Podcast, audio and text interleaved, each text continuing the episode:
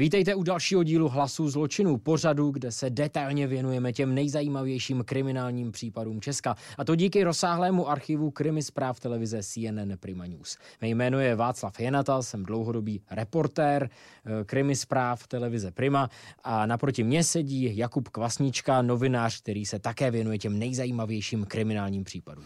Ahoj Vašku, tak co probereme dneska? Dnes je před námi jedno velké téma a sice takzvaná loupež století. Je to asi nejjednodušší krádež, půl miliardy v historii všech krádeží. Nejjednodušší, pokud máš v hlavě takový plán, jaký měl František ne, to je, Procházka. Ne, to je fakt, jako ne, je to neuvěřitelná story. Je to neuvěřitelná story, jak ukrást 540 milionů korun. Tak nějak byste si řekli, že kolem toho bylo hodně moc uh, plánování a hodně moc parády. Ne, ne, stačilo 10 minut, jeden paleťák a dvě nálepky. Dvě nálepky, 10 minut, jeden paleťák. 540 milionů korun je fuč. Já to řeknu úplně přesně. Je to 540 milionů 891 tisíc a 700 korun. Takhle pojišťovna tu částku vyčíslila. A když bych to měl říct na kila, tak je to 400 kilogramů peněz. 400 kilo, 400 kilo. V tomhle případě je ale také potřeba říct, proč vlastně je ten případ tak zajímavý, proč se o něj lidé tak zajímají. Je to proto, že František Procházka tehdy krádl bez zbraně. On měl opravdu vymyšlený dokonalý plán, nikomu neublížil a je to uh, samozřejmě ten z těch případů, kdy ten lupič je pak uh, ve společnosti uh, natolik sympatický, že zkrátka lidé se o ten případ zajímají. Ano, je to, je to geniální příběh, je to příběh bezpečáka, který se nějak nevy, nevymykal tomu běžnému obrazu bezpečáků, které vydáte v obchodních centrech, černé tričko, bříško, řetěz přes krk, brýle, udělaný chlap. Zkrátka nepodceňujte bezpečáky, security v obchodních centrech, nikdy nevíte, co mají v hlavě za plán podle mě i tohle byl důvod, proč ten Procházka to udělal, protože zkrátka podcenili inteligenci lidí, kteří pracovali jako sekuritáci. Ale nebudeme už naše diváky a posluchače napínat. Pojďme, Pojďme to rovnou k tomu případu. Bylo 1. prosince roku 2007. Vrcholila ta sezóna, kdy opravdu ty tržby jdou do horentních sum a tahle bezpečnostní agentura měla vlastně své eh, obrodněné vozy a svážila peníze ze všech možných obchodů, supermarketů, pokladen a převážela je na několik vybraných míst. Jedním z nich byla i ta jedna z budov právě na Pražském Žižkově. Tam se peníze přepočítávaly a rozvážely se uh, zase zpátky eh, do bankomatů anebo do bank. Pojďme rozebrat těch 10 minut těch 10 minut té brilantní loupeže která vlastně vlastně nebyla až tak brilantní. My tady říkáme, že měl plán. Ale měl štěstí. On měl štěstí. Třeba začneme tím, že on jako první, co udělal, tak zakryl kameru, ale nezakryl ji dokonale, takže v rohu té kamery vlastně mohli eh, i strážci vidět, eh, jak nakládá na palety ty, paleťákem ty peníze. Jo? Ale zkrátka bylo to, tak, bylo to takový růžek, pravděpodobně si toho nikdo nevšim. Mm, hrozně zvláštní, hrozně zvláštní, jak eh, to bylo jednoduchý. Bylo 1. prosince, sobota. František Procházka nastoupil na svoji směnu, eh, kde pracoval u trezoru, tedy kde skutečně vedle něj byly eh, palety plné peněz a Hned ze začátku té směny eh, byl domluvený se svým komplicem, který přijel v bílé dodávce, ve stejné dodávce, jakou ta bezpečnostní služba používala. Ano, tady to je právě ten příběh o těch dvou nálepkách. On koupil dodávku, bílou dodávku a nalepil na ní dvě nálepky logo, nebo myslím, že dvě, logo G4S. A to stačilo, to stačilo, protože on projel bezpečnostní kontrolou, nikdo ho nekontroloval, tehdy... Toho komplice? Uh, toho komplice. Milana eh, Čermáka. Ano, ano, Milana Čermáka, kterého vlastně uh, nebyla tehdy povinnost dávat SPZky do systému, tudíž kdy viděli auto, které tam jezdí každý den milionkrát, tak zkrátka pustili Milana Čermáka s tou dodávkou dál? Tohle je ten moment toho štěstí. Tady opravdu František Procházka i jeho komplic Milan Čermák potřebovali notnou dávku štěstí, protože eh, sám Čermák podle vyšetřování policie, tak byl z celé té akce poměrně nervózní. E, víme, že se s tou dodávkou snažil nacouvat do bezpečnostní agentury a povedlo se mu to až na potřetí. Takže určitě šlo o zkušeného řidiče, ale přesto ta situace uh, si vyžádala tak velkou nervozitu, že až na potřetí nacouval do té budovy, té bezpečnostní agentury a měli velké štěstí, že vrátný si vlastně nevšiml toho, že jde o cizí dodávku. Uh, mimochodem měla libereckou uh, registrační značku. Vrátný si toho nevšiml, nechal, otevřel vrata, nechal tam dodávku nacouvat a o nic víc už se nestaral. A tohle byla chvíle, na kterou František Procházka čekal. Jakmile viděl, že dodávka je uvnitř té budovy, tak jednoduše eh, vzal paleťák a převezl zhruba 400 kg bankovek, různé hodnoty, celkem tedy, už jsme to zmiňovali, 540 milionů 891 tisíc a 700 korun a lehce je přendal do připravených tašek, hodil je eh, do toho vozu, do, toho, do té připravené dodávky a to bylo v 8 hodin 49 minut, to uplynulo jen několik málo minut od té chvíle, než ta dodávka uh-huh. do, to, do té budovy věla a po dalších několika málo minutách celkem ta dodávka s Čermákem v té budově strávila 10 minut, ani o hm. vteřinu víc. Eh, tak odjela. Vrátný si ani na podruhé nevšiml, že ta dodávka nepatří firmě, že jde zkrátka jen o nálepky nalepené na bílé dodávce. E, neskontroloval znovu registrační značku, nemusel, ostatně nemusel. nemusel, pozor, ano, to je důležité říct. A dodávka vlastně i s penězi a s Milanem Čermákem odjela pryč. Teď si to dejme do, do přítomného času. Co se teď děje?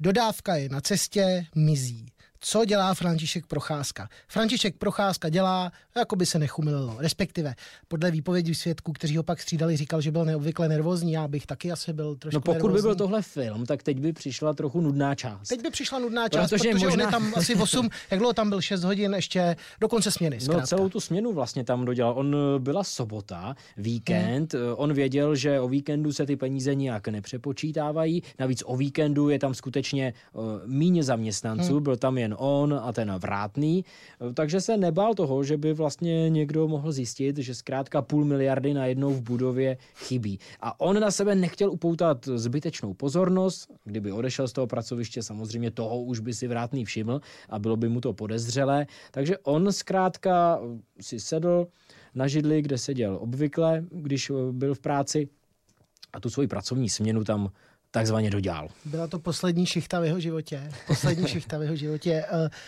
asi počítal minuty, řekl bych, že nebyl úplně klidný, i když pak střídal vlastně, jak jsem říkal, svého kolegu, tak říkal, že byl neobvykle nervózní procházka.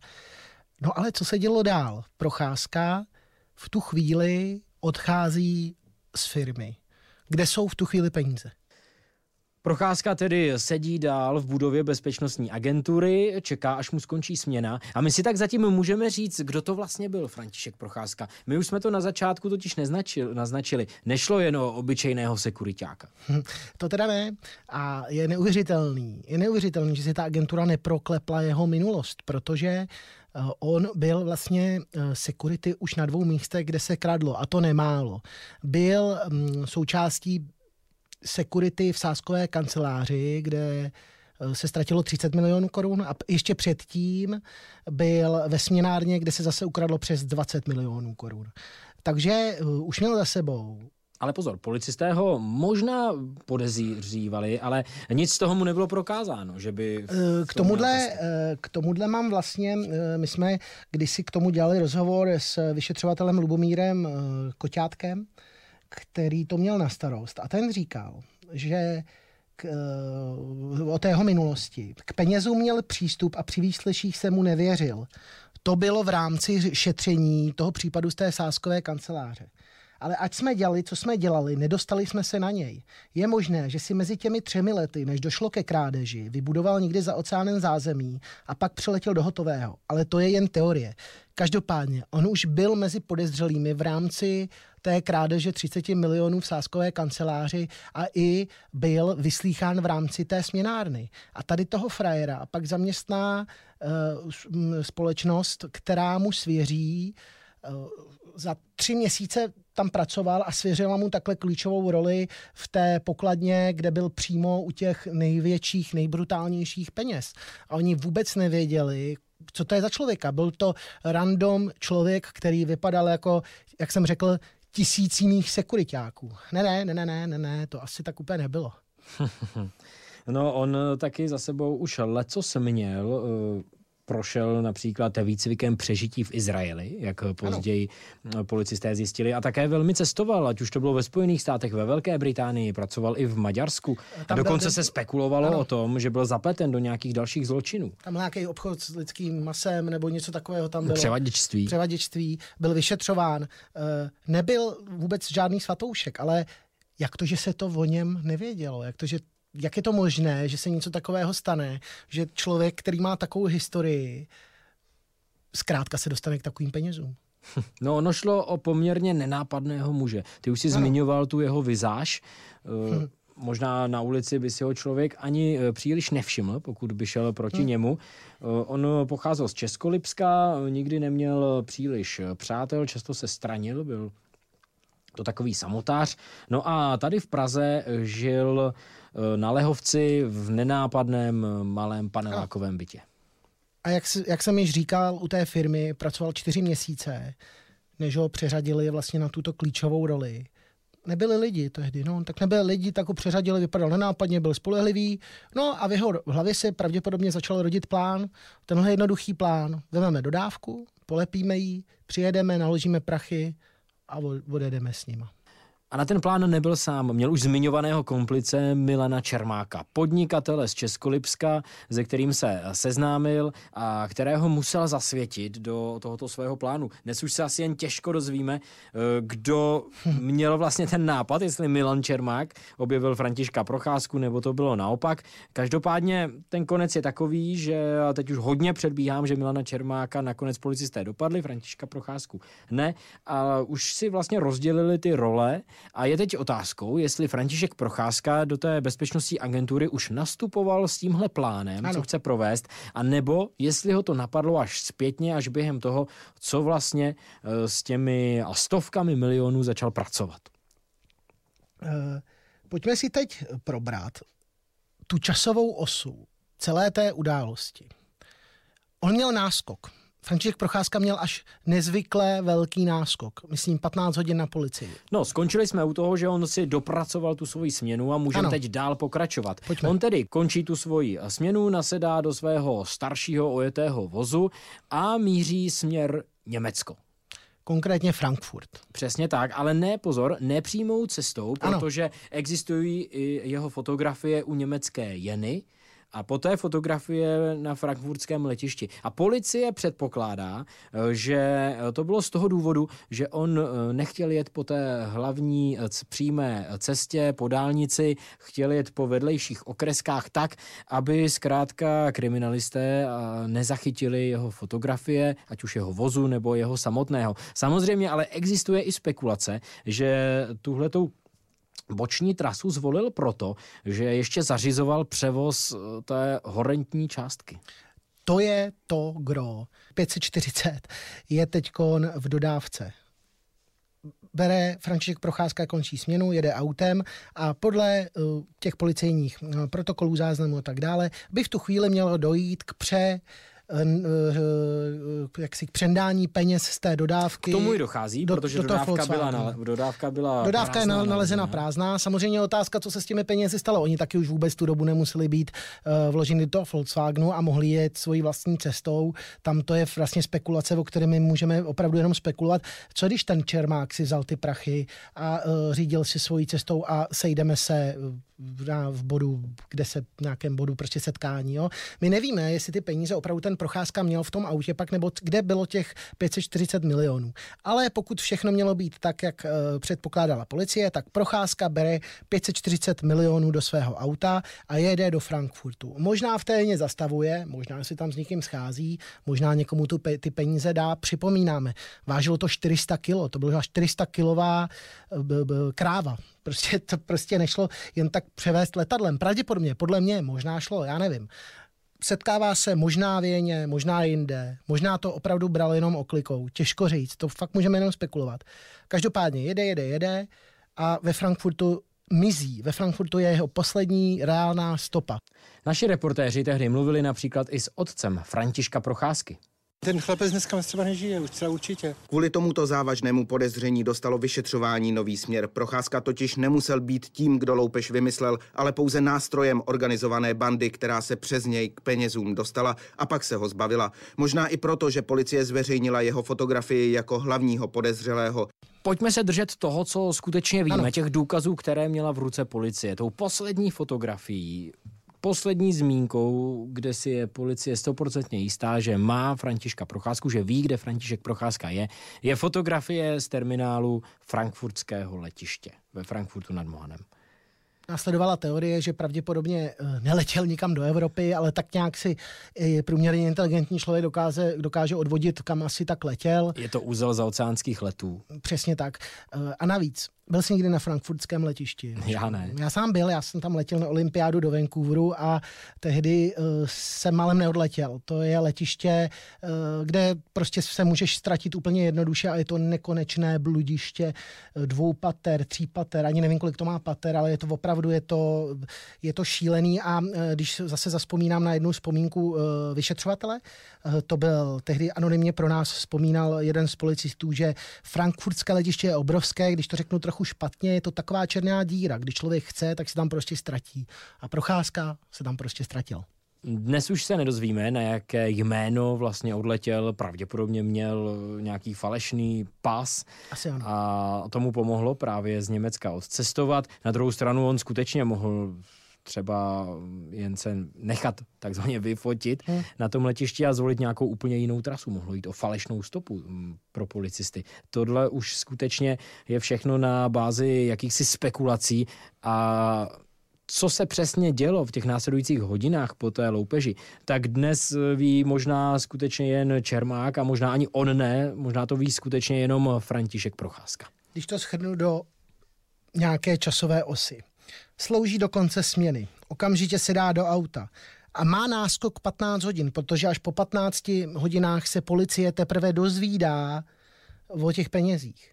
Vyráží směr Frankfurt, jede po okrskách, nikoli po hlavních tazích, jena, a pak poslední fotka u frankfurtského letiště, bludiště, chytá letadlo mimo Evropu, nikdo ho nevidí. Ale zásadní otázka, Vašku, co se v tu chvíli děje s penězi?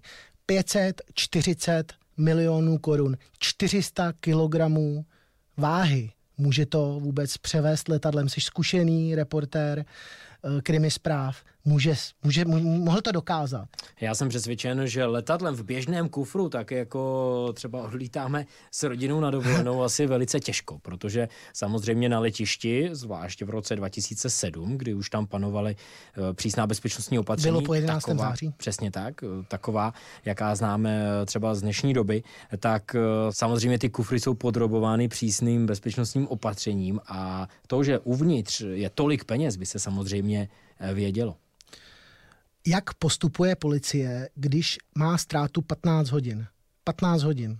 Je to hodně? Je to málo? Dá se ten člověk chytit? 15 hodin ještě podle mých zkušeností není zase tolik. Já vím, že zkušení kriminalisté se k tomuhle případu vyjadřovali až po mnoha dalších měsících ano. a říkali, že důležité jsou první tři měsíce práce.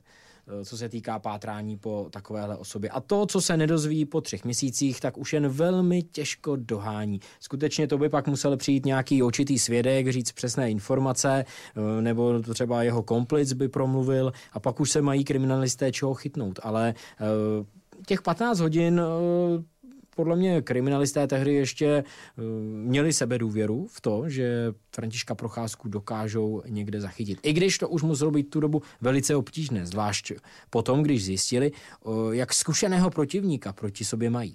Pojďme do naší oblíbené rubriky, co tedy podělala policie. Máme ji skoro v každém pořadě.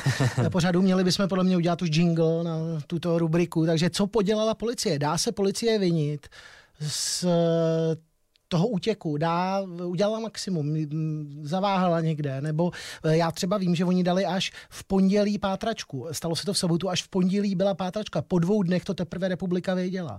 No tam je, tady já se musím policistů zastat. Tady já A, jsem přesvědčen o tom. Potřebuješ jejich PR. tady já jsem přesvědčený o tom, že tehdy e, vlastně udělala všechno správně. No dobře, dozvěděli se o té krádeži až po nějaké době, ale vlastně v tu sobotu a pak v tu neděli o té krádeži nevěděli ani v té bezpečnostní agentuře, protože hmm. Zkrátka František Procházka to udělal tak chytře, že o tom, že zmizela půl miliarda korun, se všichni dozvěděli skutečně až v pondělí ráno. A policie pak může jen velmi těžko dohánět těch 15 hodin eh, té cesty, eh, co Procházka zvládl ujít. A pak samozřejmě je ta základní spekulace, tedy kudy, kam a kdo vezl ty peníze, pravděpodobně tedy neletěly letadlem ty peníze. Na tom se asi pravděpodobně už shodneme. Už jsme v rovině teorie. Ale 400 kilo peněz nemohlo letět. Nevím, z druhé strany viděli jsme různé filmy, myslím, že to byl Vlk z Wall Street nebo něco takového, jak se tam uh, obalovali penězi a z hubeného člověka byl obrovský tlustý člověk, který byl naplněný tisíci dolarovými bankovkami. Je to... No je pravda, že tohle ale bylo v době, možné? kdy se na palubě letadla dalo i kouřit. No, je pravda. nebo tam povečeřet humra a dalo se převést téměř, téměř cokoliv. Dnes už to samozřejmě vypadá na letištích a v letadlech úplně jinak. Asi zásadní otázka, Vašku. Mohl tohle zvládnout František Procházka sám, respektive s jedním komplicem, nebo tam bylo víc lidí? Už vzhledem k tomu, jakým způsobem tam docházelo ke kooperaci a jak vlastně profesionálně, i když jednoduše to bylo připravené, tak moje teorie je, že tam určitě musel být někdo další. Otázka samozřejmě je, jestli byl František Procházka jenom bílý kůň, což vzhledem k té historii úplně nevypadá, nebo zkrátka měl komplice, anebo to zkrátka fakt nějak provezl tím letadlem ale jaký je tvůj názor? Myslíš si, že tam fakt byly jenom dva? A hlavně, jaký je názor policistů? Protože vy jste je v krimi zprávách spovídali, ať už na kameru nebo mimo kameru, ten případ jste tehdy hodně sledovali. Jaký byl názor policistů? Já si myslím jednu věc a to je, že František Procházka nebyl takzvaným bílým koněm. Ano.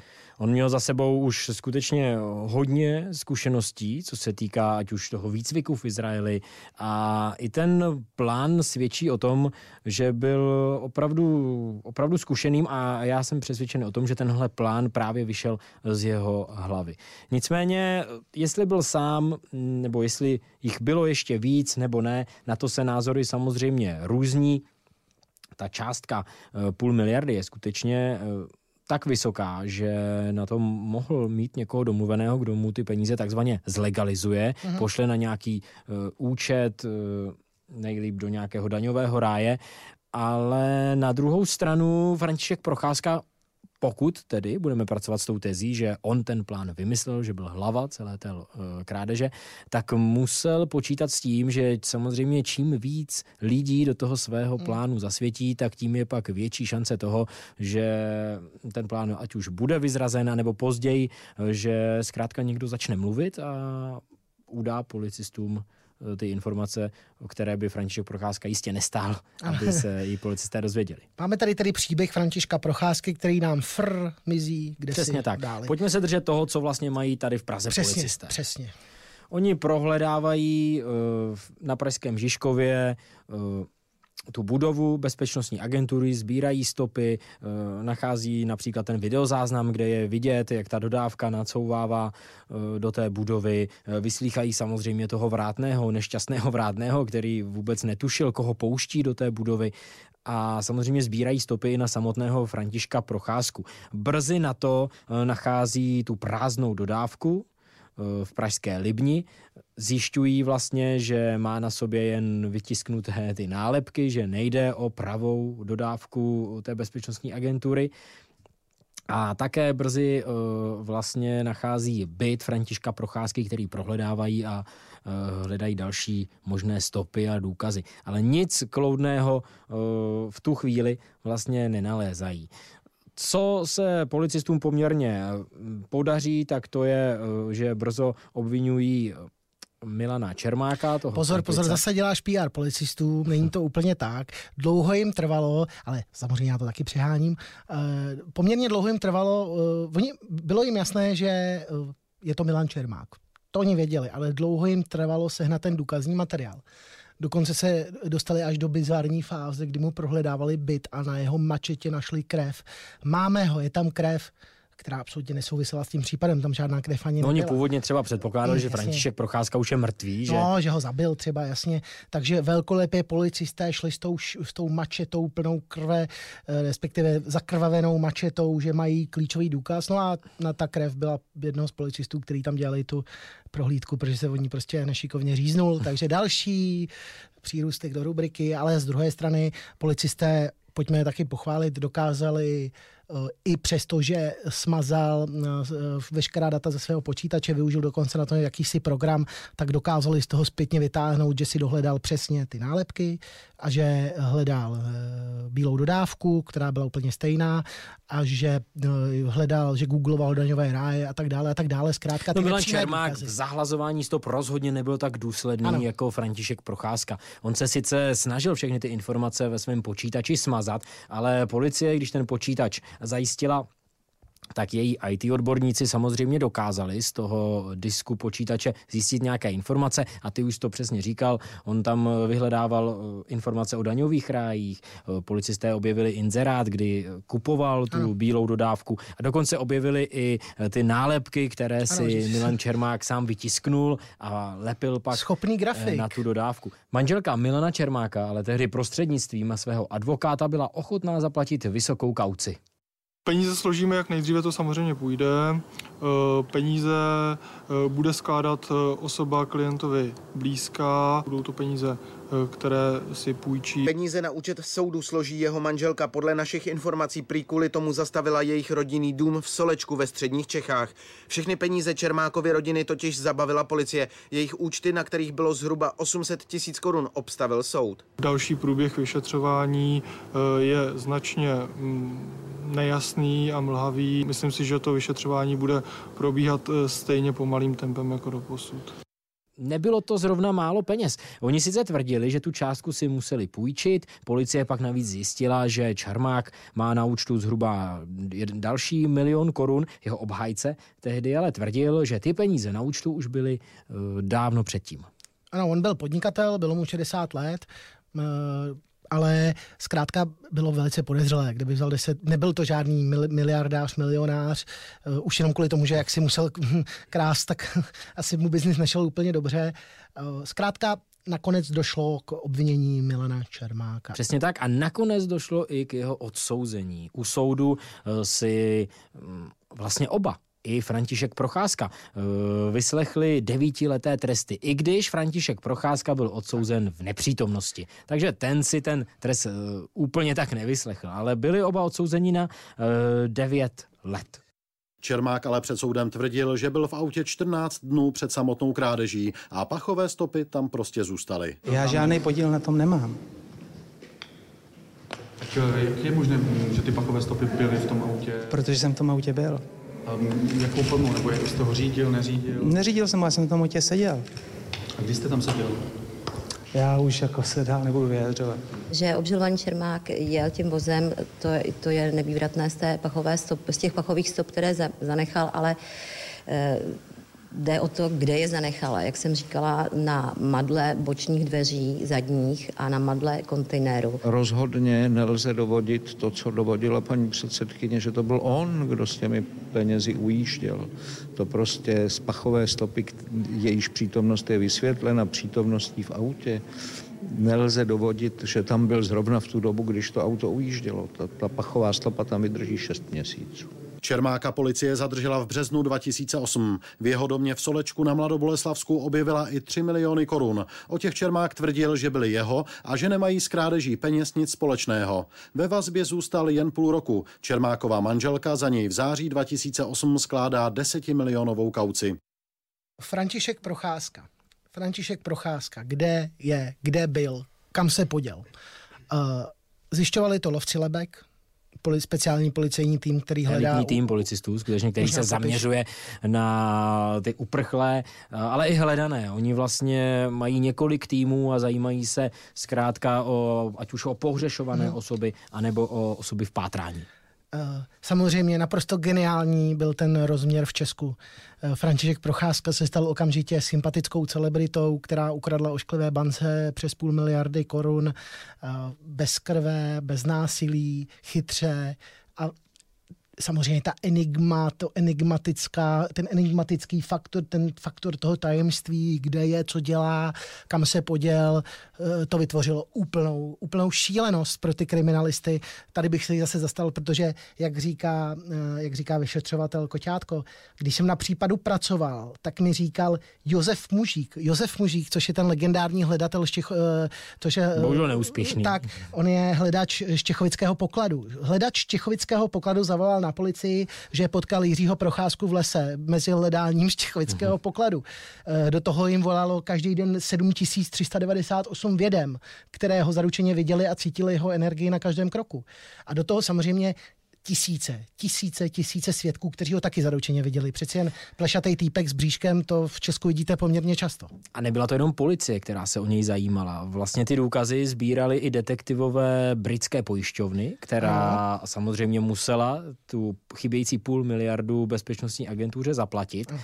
Nakonec eh, jí skutečně ta pojišťovna tu částku vyplatila, ale samozřejmě velmi pečlivě zkoumala, jestli ta bezpečnostní agentura nějak nepochybila, jestli ten eh, František Procházka skutečně ještě někde není. Dalo by se říct, že ta pojišťovna měla možná stejně velký zájem toho Františka Procházku objevit. Taky si navzájem jako vyměňovali informace.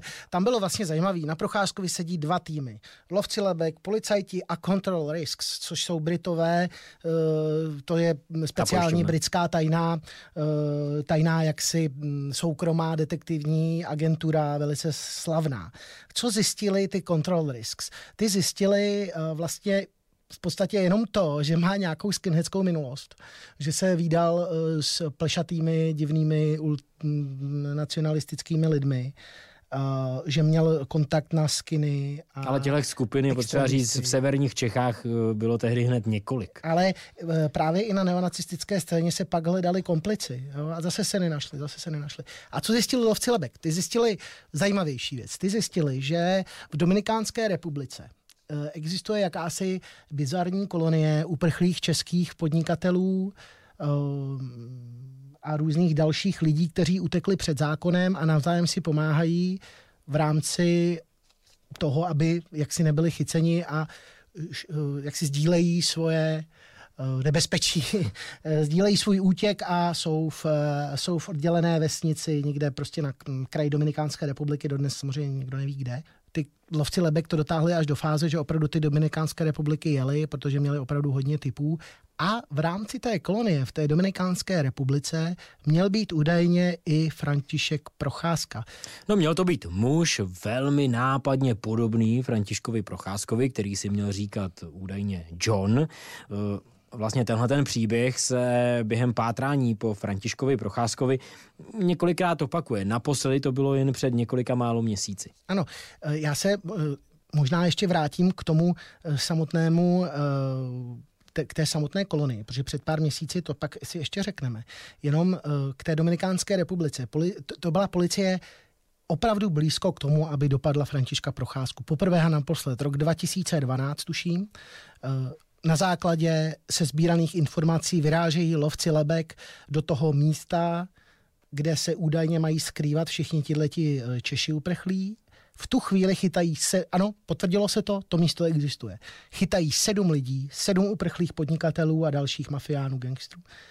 Jenomže dochází k tropické bouři. Hurikán Sandy. Hurikán Sandy. Dochází k tropické bouři a dalších deset lidí z té kolonie uniká po vodě na lodi uniká, ztrácí se a mezi těmi deseti lidmi je údajně i František Procházka. Jestli to tak ale je, nebo není, to samozřejmě zůstává otázkou. Tohle mm, my jsme často tenhle ten příběh... To jsem se chtěl zeptat právě, protože to je eh, tak strašně atraktivní téma, že vám pořád chodí. Viděl jsem procházku, viděl, kolikrát už jste měli člověka, který viděl procházku? Ty, jsi měl, ty máš pravdu v tom, že tohle je skutečně velmi atraktivní a žádané téma a těch typů, těch zaručených zpráv, kde je František Procházka, tak eh, možná podobně jako tehdy, eh, když bylo vyšetřování v plném proudu, chodilo policistům, tak eh, v poslední době často se to objevuje i v našem e-mailu Krimi zpráv a lidé eh, zkrátka volají zaručené typy. Naposledy to bylo jen před Jak několika říkal, málo pár měsíci. měsíců, tak byl tam ten procházka, viděli ho v Karibiku, eh, vy jste to dostali do Krimi zpráv od nějakého jiného, eh, který si tam plavil na lodi pravděpodobně a potom dokonce pravděpodobně tenhle člověk dal asi víc informací do více médií, takže o tom pak psal kolega Vašek Janouš, výborný kriminální reportér, o tom pak psal v Mladé frontě frontě dnes o tomhle případu, že byl v roce 2023 vidět opět procházka na lodi. A vy jste to nakonec netočili. Já jsem to prověřoval u detektivů a musím říct, že oni jsou vlastně k tomu velice skeptičtí, mm-hmm.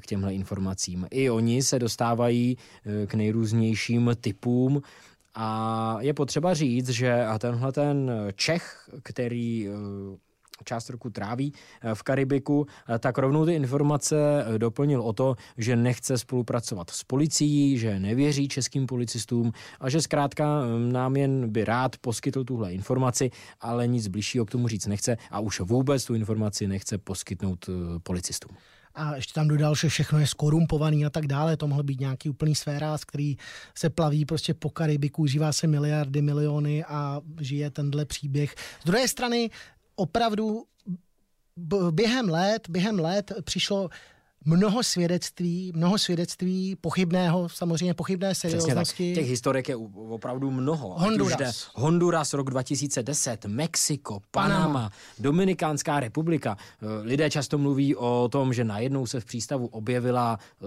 velká superjachta za několik milionů dolarů. S heliportem vzadu Přesně tak, vzadu měla vrtulník, eh, bylo tam množství bodyguardů, někteří z nich údajně hovořili ať už česky nebo slovensky a mezi nimi měl být muž, který si byl prý nápadně podobný tehdejší fotografii Františka Procházky a je jen velmi těžko uvěřitelné, že teď po 16 letech by František Procházka eh, na útěku vypadal úplně stejně jako na fotografii z roku 2007.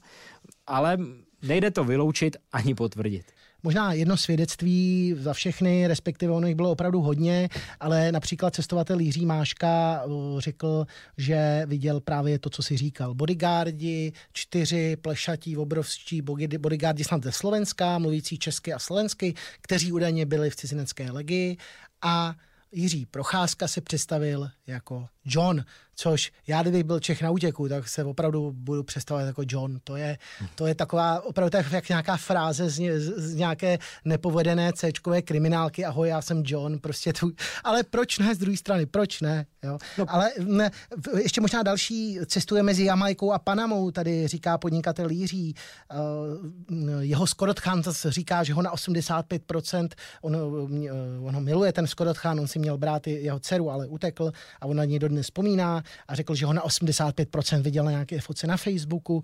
Všichni věří, že žije. Všichni ty, kteří z toho okolí věří, že byl velice chytrý, utekl, žije a plaví se ta největší, když, když bych to měl schrnout do nějaký pravděpodobnosti, že žije, tak se pravděpodobně plaví na super luxusní jachtě po karibských ostrovech a pořád je neustále v pohybu. A to je ono. Jaké to je žít s policisty za zády. Já bych to rád uzavřel zase fakty, zase eh, tím, o co se skutečně můžeme opřít. A teď tedy eh, se budeme držet toho, že František Procházka je stále naživu. Eh, faktem je, že dnes mu je 49 let.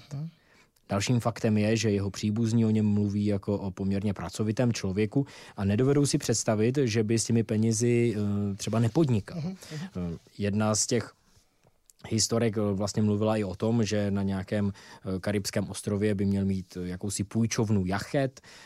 Je tedy docela možné, že skutečně František Procházka ty svoje peníze investoval, že vydělává, že je mu, jak už jsem zmiňoval, téměř 50 let a je tak pravděpodobné to, co si říkal ty, že se plaví na nějaké jachtě a když se psali toho Skorotchána, tak právě naopak řík, tak přesně říkal, on ty peníze rozmnožuje on je, on je chytrý. On investoval, žije, rozmnožuje a má se krásně. A i tomu, i té teorii o tom, i té teorii o tom, co si říkal ty, že měl nějakou půjčovnu lodí, tak eh, by nahrávalo přesně to, že si tam mohl udělat nějaké zázemí z těch předchozích loupeží. Ten člověk je možná mnohem chytřejší, než si všichni mysleli. Ale zároveň je tady druhá teorie. že je mrtvý. A teď je to skvělý, jak ty policajti vlastně říkají to i to. Třeba ten koťátko si myslí, když je živej, ten vyšetřovatel, uh, nevěřím, že ho nikdy najdou, uh, tvrdí. A na otázku tedy, jestli ho dopadnou, tak odpověděl, že myslím si, že ne, kdyby si Procházka nechal narůst vlasy, což si ale podle svědectví údajně nenechal.